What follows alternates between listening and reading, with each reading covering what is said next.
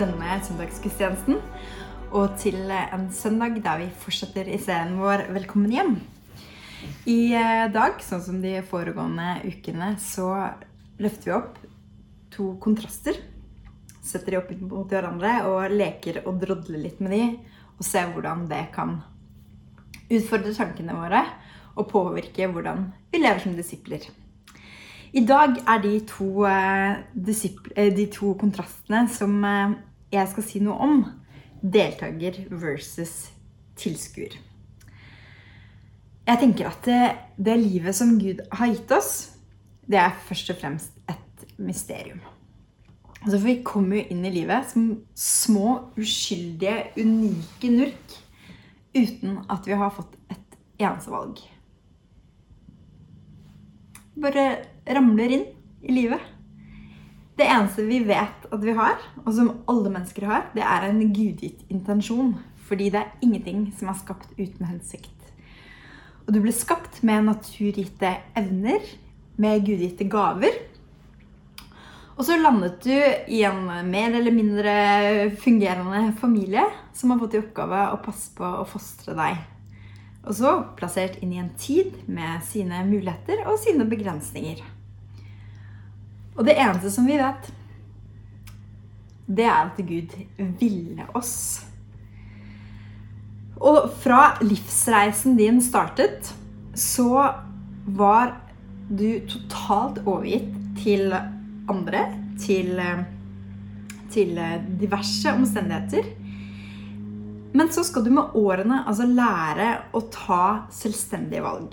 Som igjen påvirker flere enn bare oss selv.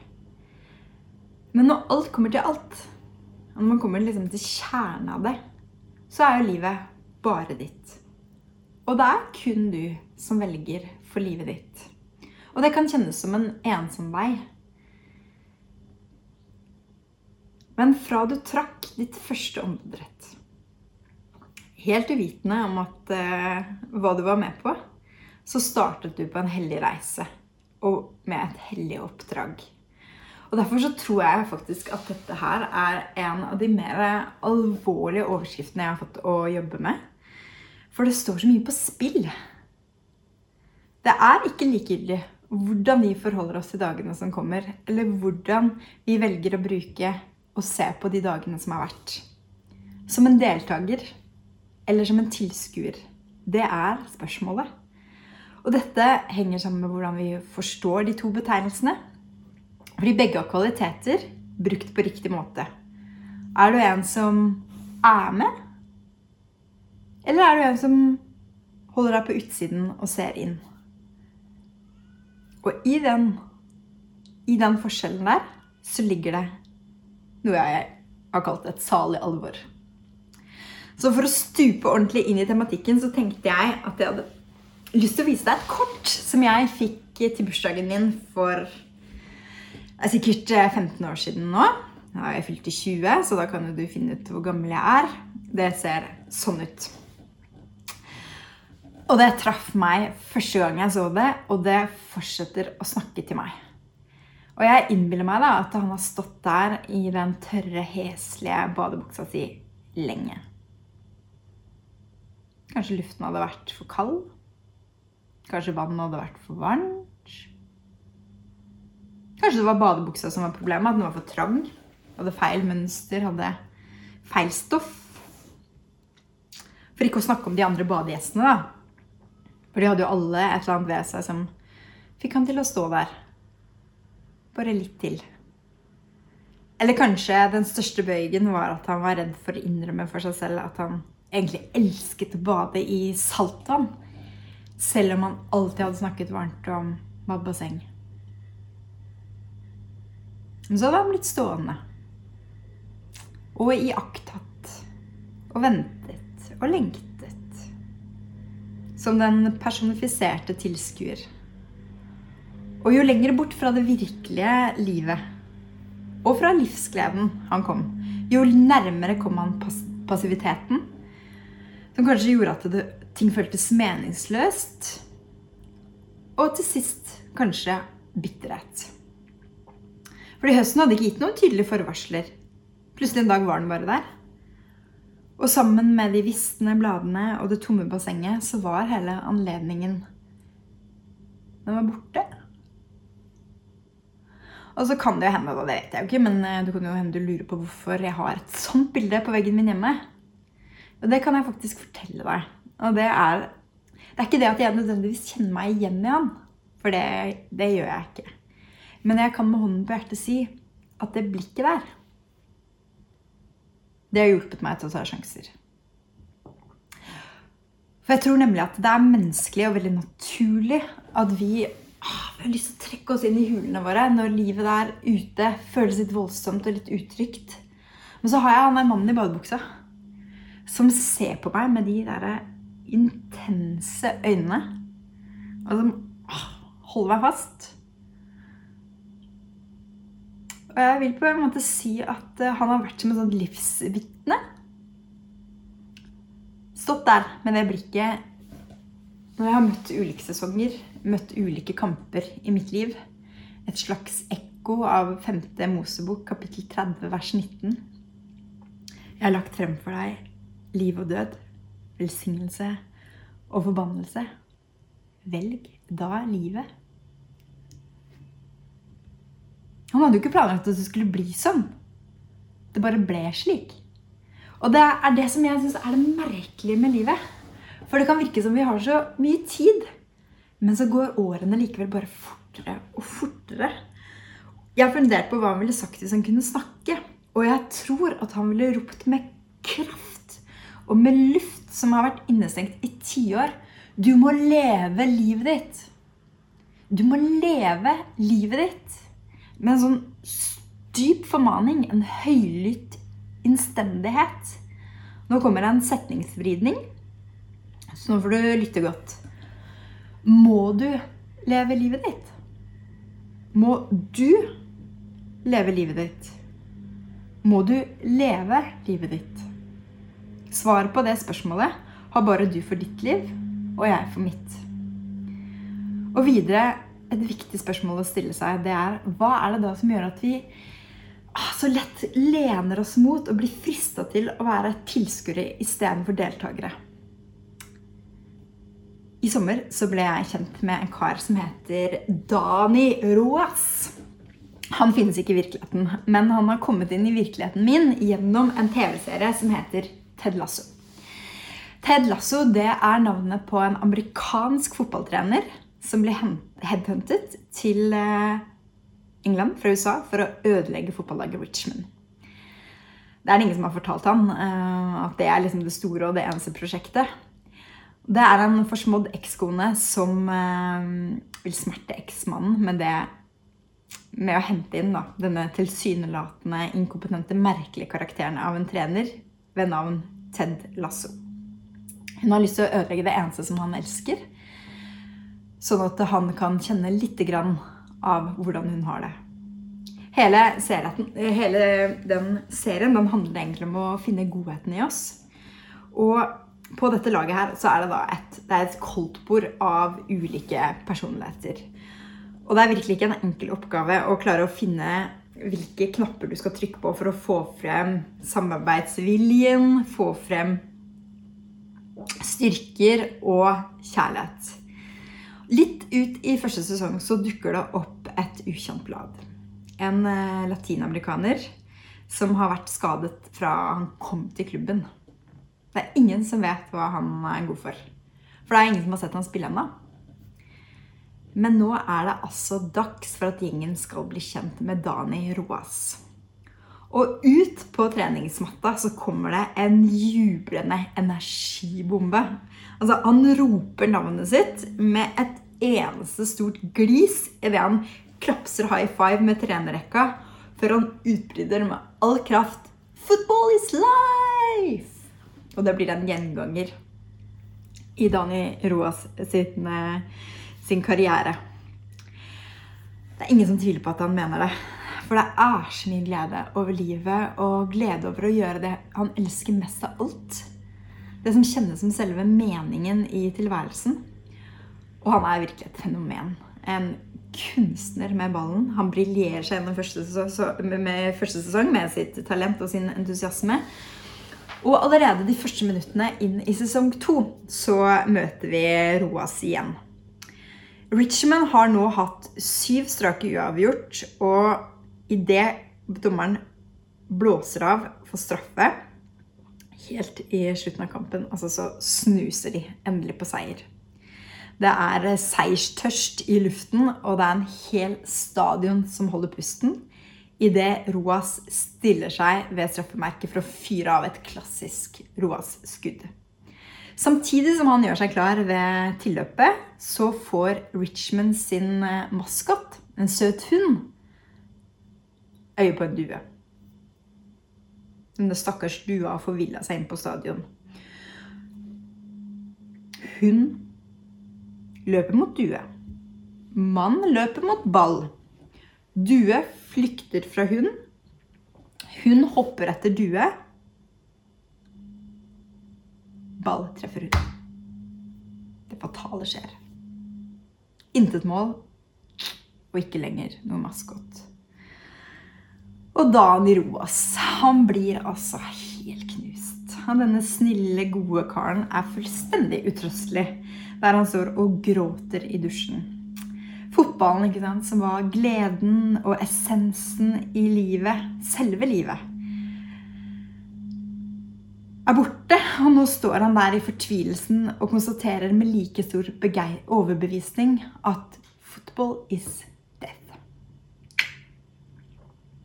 Og han er helt umulig å få rikka ut av tristheten og sorgen. Og lederteamet de klør seg da i håret og i hodet. For de skjønner ikke helt hvordan de skal komme igjennom. Komme igjennom. Så de sender ham til en mystisk fåmeldt psykolog som de bruker i, i krisetilfeller. Noen timer etterpå så kommer han tilbake etter å ha snakket med henne. Og de opplever at det gode, gamle Roas er tilbake. Og de lurer på hva i alle dager hun har sagt som har klart å få han til å skifte perspektiv på så kort tid. Så de spør, da. Hva var det Hva var det hun sa? Football is life. But football is also death. Og så smiler han lurt, rolig og litt klokere, og sier But mostly it is life. Og det kan kanskje oppleves som, en, som en liksom for, et litt forenkla perspektiv, men er det ikke noe sunn visdom i det også? At å være en deltaker i livet, det handler om å ønske å være der i alle livets dager. I medgang, i motgang, i opprykk, i nedrykk. Når livet bruser over av livsglede og entusiasme, men også når du ikke orker å gå ut av dusjen fordi det er så godt å la tårene blande seg med vanndråpene. Noen ganger så er det eneste vi kan gjøre, å holde ut. Og ta et øyeblikk av gangen. Og jeg tror at Guds ord at det kan legge seg som en sånn Som et teppe, som en bønn i hjertet. Om at ikke det vonde skal rikke deg. Og ikke la sorg og uberettiget skam fjerne deg fra det som gir dagene dine glede og mening. Deltaker eller tilskuer. Et hellig alvor. Et hellig oppdrag. En hellig reise. Jeg har lyst til å si noen ord om en av mine favoritter fra Det gamle testamentet til slutt. Hans liv og hans måte å møte liv på, det rører meg. Og det gjør det igjen og igjen på litt uh, ulike måter. Jeg har lyst til å si noen ord om Josef. Mannen som er sønnen til en av stamfedrene i begynnelsen av uh, Bibelen. Jakob. Jakob han er en luring. En mann som har knotet seg gjennom livet på så mange måter. Og de de fleste av de har ikke vært forbilledlige. Eh, men på underfundig vis da, så møter eh, så, så, lærer han Guds karakter å kjenne. Og han får mulighet til å gjøre opp for dårlige vurderinger. Jakob han får mange sønner med sine to koner, Rakel og Lea. Men det er Rakel han elsker. Han og Lea de får drøss med barn. Mens han og Rakel bare får oppleve å se sønnen Josef vokse opp sammen. Josef han lever med hjertet på utsiden. Han, Altså, og det gjør han til en spesiell gutt. En som faren setter høyt og elsker med en egen kjærlighet. Fordi Josef han legger ingenting imellom. Han, eh, han kaster seg alltid inn. Hvis han så urettferdighet eller, eller usannheter, så var han ikke stille om det. Ga Gud han drømmer, tydninger eller profetier, så delte han de åpenhjertig og utilslørt. Han snakket ikke folket til ryggen, og han snakket ikke med to tunger. Du visste hvor du hadde Josef. Det er ikke alltid du har lyst til å ha sånn rundt deg. De ti storebrødrene til Josef de var slitne av lillebror. Det var noe med hans væremåte som ah, det var så avslørende. Og nå hadde Josef drømt igjen. Og i drømmen så fortalte han at brødrene knelte for ham. Og de leste seg selv inn i den, inn i den drømmen som mindreverdige, og det likte de ikke. Så de bestemmer seg rett og slett for å drepe Josef. Det er en, en spesiell ting å bestemme seg for. Men uvitende om brødrenes planer så kommer en sånn bekymringsløs tenåring ut på beitemarken for å se etter brødrene sine. Der blir han brutalt overfalt, holdt fast og overhørt på tross av sine mange rop om nåde og hjelp. Planen var egentlig at de skulle ta livet av han, men Ruben, en av brødrene, hadde tryglet om at de skulle spare han. Og det hadde de blitt med på. Og så hadde de lukket ørene sine, lukket samvittigheten og kastet den gode og vakre broren sin ned i en brønn som de fant i området.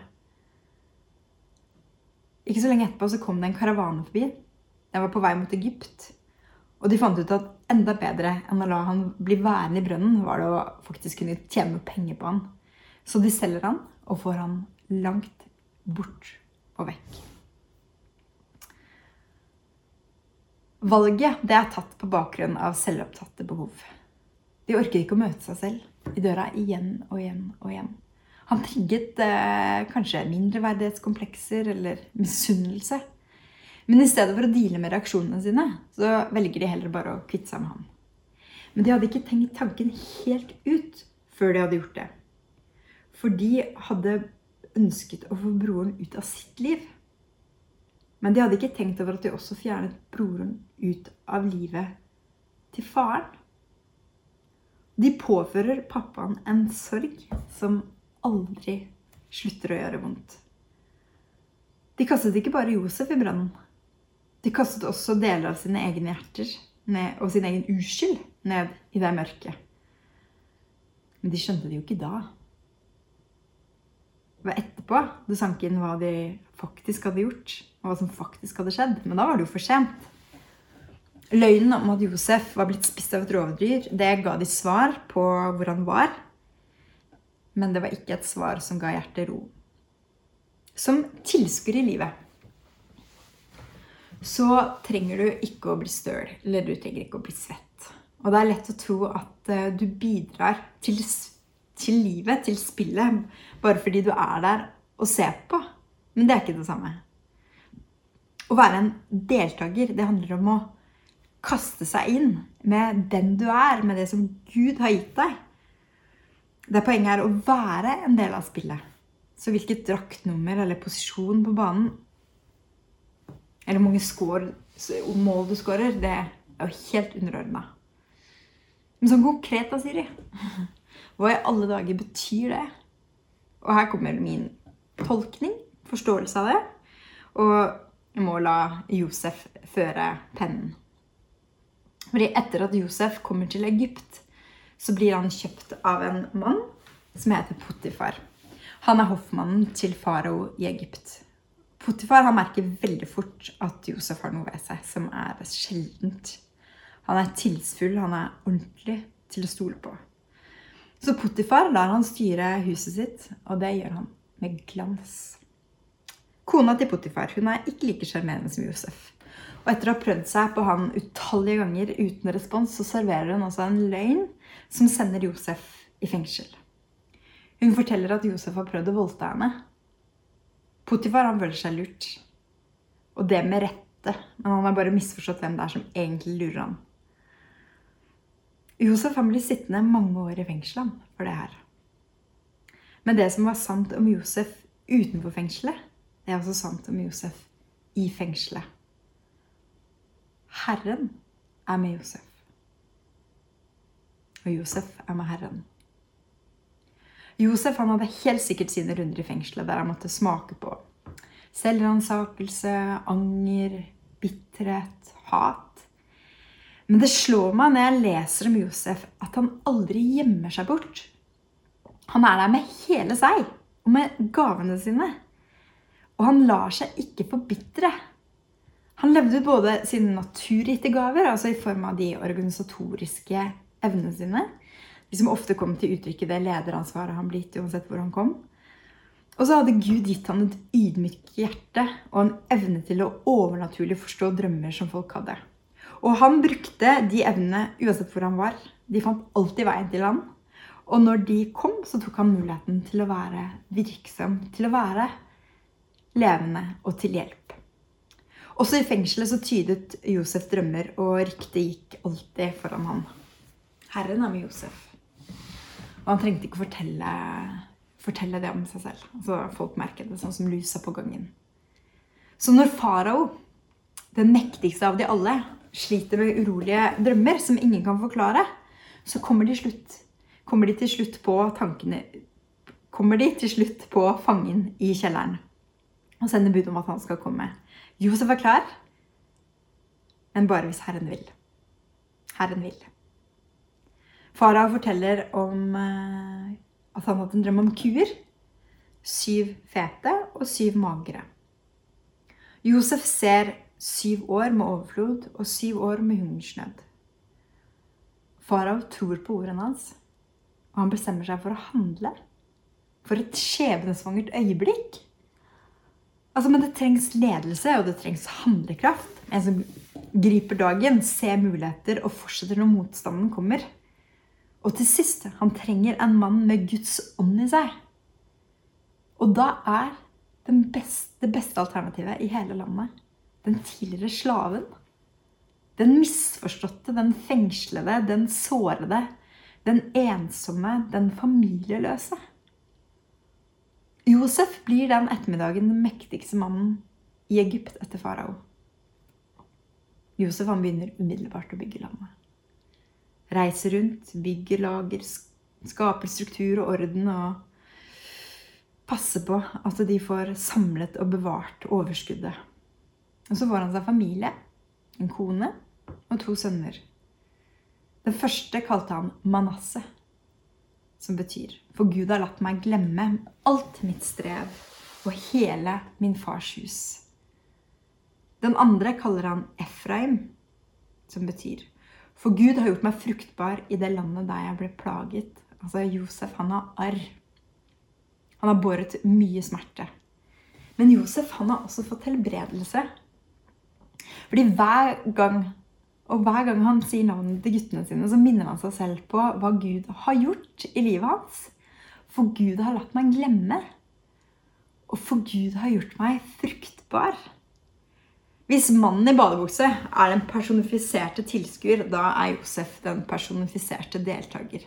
Jeg tror ikke at Josef automatisk koblet dette statsforvalteroppdraget med den drømmen han hadde som eh, en ung gutt den drømmen som hadde fått det til å liksom rakne helt for storebrødrene, om at de skulle knele på han. Men en dag så kneler ti voksne, sultne menn fra nabolandet Kanan foran han. Og de trygler om hjelp. For de holder på å miste livet og familiene sine til hungersnøden. Det er de samme mennene som har gitt Josef et vanskelig liv. Som hadde tatt ham bort fra menneskene han elsket tatt dem bort fra livet han kjente. Hva velger Josef å gjøre da? Han skylder dem jo tross alt ingenting. Han begynner å lete etter hjertene deres. Fortell om familien deres. Å ja. Den gamle pappaen deres lever fortsatt? Strammer seg brystet Josef. Å ja. Så det var en gang en bror til, men han fins ikke mer? Å ja. Så dere har en yngre bror. En, en bror faren deres fikk med sin kone Rakel før hun døde i barsel. Strammer seg enda mer. For Rakel var hans mamma. Og han har en bror fra sin far og en mor som han aldri har møtt. Og de svarer sant på spørsmålene på morsmålet sitt. Og han står der med tolk, selv om han skjønner hvert bidige ord de sier. Selv om de snakker sant, så kaller han dem for spioner. Han sier dette her fordi han vil gi seg selv et pressmiddel til å kunne få møte familien sin. Han sender kun ni stykker hjem igjen. han beholder den ene broren som gissel, slik at de må komme tilbake for å hente han. Og for at de tar med seg lillebror Benjamin. Det er det eneste kriteriet Josef har satt for å være sikker på at de snakker sant. Det er det aller verste han kunne spurt brødrene om. Han fant det aller ømmeste punktet, og så vrir han om. Fordi brødrene hadde ikke tenkt på faren da de kvittet seg med Josef. Men de har levd med sorgen hans hver eneste dag siden. Og de har sett hvordan det har gjort ham mindre, hvordan det har gjort ham bekymret, redd, overbeskyttende. Så nå, da de hører at Josef krever at de må ta med seg Benjamin, så må de kjenne på alle følelsene de har holdt unna, og alt de har forsøkt å glemme. For hva hvis de forårsaker ny sorg? En tilskuer lever kanskje godt med distanse. Til egen historie, til sin egen væremåte, sine egne valg. Men betrakteren Pause. Men som et aktivt deltakende menneske. Som er til stede. Sånn virkelig. Da klarer man ikke det. Josef han har brukt årevis på å deale og lege sine egne sår. Bli venn med livet sitt. Han har blitt kjent med hva livet er, og hvem han selv er i møte med det. Og jeg tror også at brødrene har brukt disse årene på å nærme seg selv. Se konsekvensen av de valgene de har tatt. Så de reiser tilbake til Egypt med sekkene fulle av korn og med et like stort lass med mismot.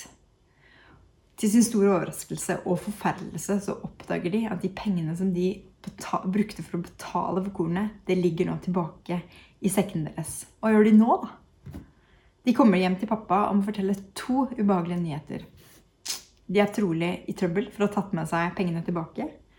Og de får ikke kjøpt mer korn uten at de har med seg Benjamin neste gang de drar til Egypt. Og de får rett. Pappa Jakob har ikke lyst til at de skal ta med seg Benjamin. Men når sulten er gnagende nok, og alle andre alternativer er borte, så får de tillatelse til å dra til Egypt igjen med Benjamin. Denne gangen med dobbelt betaling og masse fine gaver for å prøve å godsnakke med Josef. Når de kommer, så ser Josef at de har med seg Benjamin. Og da gir han bestyreren i huset sitt beskjed om at det skal lages i stand en flott, storslått middag. Brødreflokken blir invitert på middag til Josef idet de ankommer. Og noe som skal være en hyggelig gjest, det skaper bare dødsangst. Og det er det som skjer vet du, når man ikke lever avklart, og når man ikke lever åpent. Da kan små ting og små hendelser bli innmari store og innmari lammende. For å avvæpne situasjonen så hvisker den ene broren til bestyreren idet de kommer innenfor døren. Du, da vi dro herfra sist, så fant vi at de pengene som vi brukte for å betale kornet, de lå i sekkene våre. Men vi lover vi har ikke stjålet noe, og vi har det med oss tilbake igjen. Da møter broren en overraskende mildhet. For mannen svarer det her fred være med dere. Vær ikke redde. Deres Gud og deres fars Gud har gitt dere en skatt i sekkene. Pengene deres har jeg fått. Men på tross av det her så slipper ikke redselen. Rett foran et festdekket middagsbord med de deiligste retter så roper frykten for straff og for død høyere enn sulten. Det er demonene som herjer. Og nå kommer Josef inn i rommet. De elleve brødrene hans kneler foran hans ukjente ansikt. De gir ham vakre gaver, og de kneler ærbødig igjen. I rommet er det dekket to bord. Ett til Josef og hans folk, og ett til brødrene, siden de er hebreere, og de kan ikke spise sammen. Dette er et ladet rom. Hva velger Josef å gjøre da, da? Han speider utover rommet og får øye på Benjamin. Han overmannes av en kjærlighet så sterk. Kaster seg rundt halsen hans og forsøker å holde følelsene sine i sjakk så godt det lar seg gjøre. Han klarer det bare en liten stund, før han flykter ut på bakrommet for å gråte i skjul. Og så fortsetter han med å be de om å sette seg til bordet. Men han vil at de skal sette seg etter alder. Den eldste ned til den yngste. Og Josef han setter seg rett overfor dem og ser på dem. Som en tilskuer på utsiden som sitter der og ser på familien sin. Så på den andre siden så sitter han. Som ble kastet ut, og så ble kastet bort. Og de sitter der på rekke og ser spørrende på hverandre. Det mangler jo en. På deres side av bordet. Men ikke i rommet. Man kan jo bli varm i hjertet av mindre. Men så lener Josef seg over bordet sitt, og så begynner han å servere dem av sine retter. Livet det kan være en ensom vei. Men Herren var med Josef. Og Herren er med deg. Så hva velger vi? Å være deltaker eller tilskuer. Hva velger vi i møte med dette hellige alvoret? Jeg har lyst til å avslutte med å la våre tre karer gi oss en oppfordring og en oppmuntring hver. Hva ville mannen i badebukse sagt hvis han fikk deg på tomannshånd der ved på sengekanten? Jeg tror han ville sagt Du, livet går så innmari fort. Gi unnskyldningene motstand. Hva enn du lengter etter og drømmer om, fortsett å jobbe for det. Ta sats og hopp i det. Noen muligheter har nemlig utløpsdato.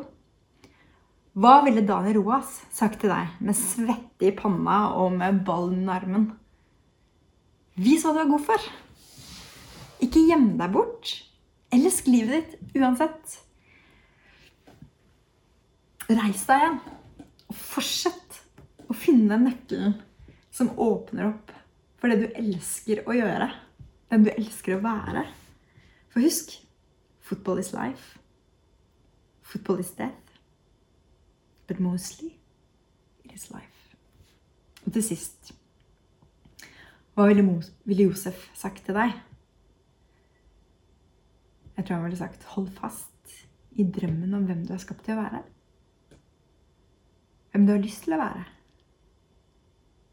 Ha Kristus som Herre. Stemmen du lytter til. Stemmen du følger. Guds fred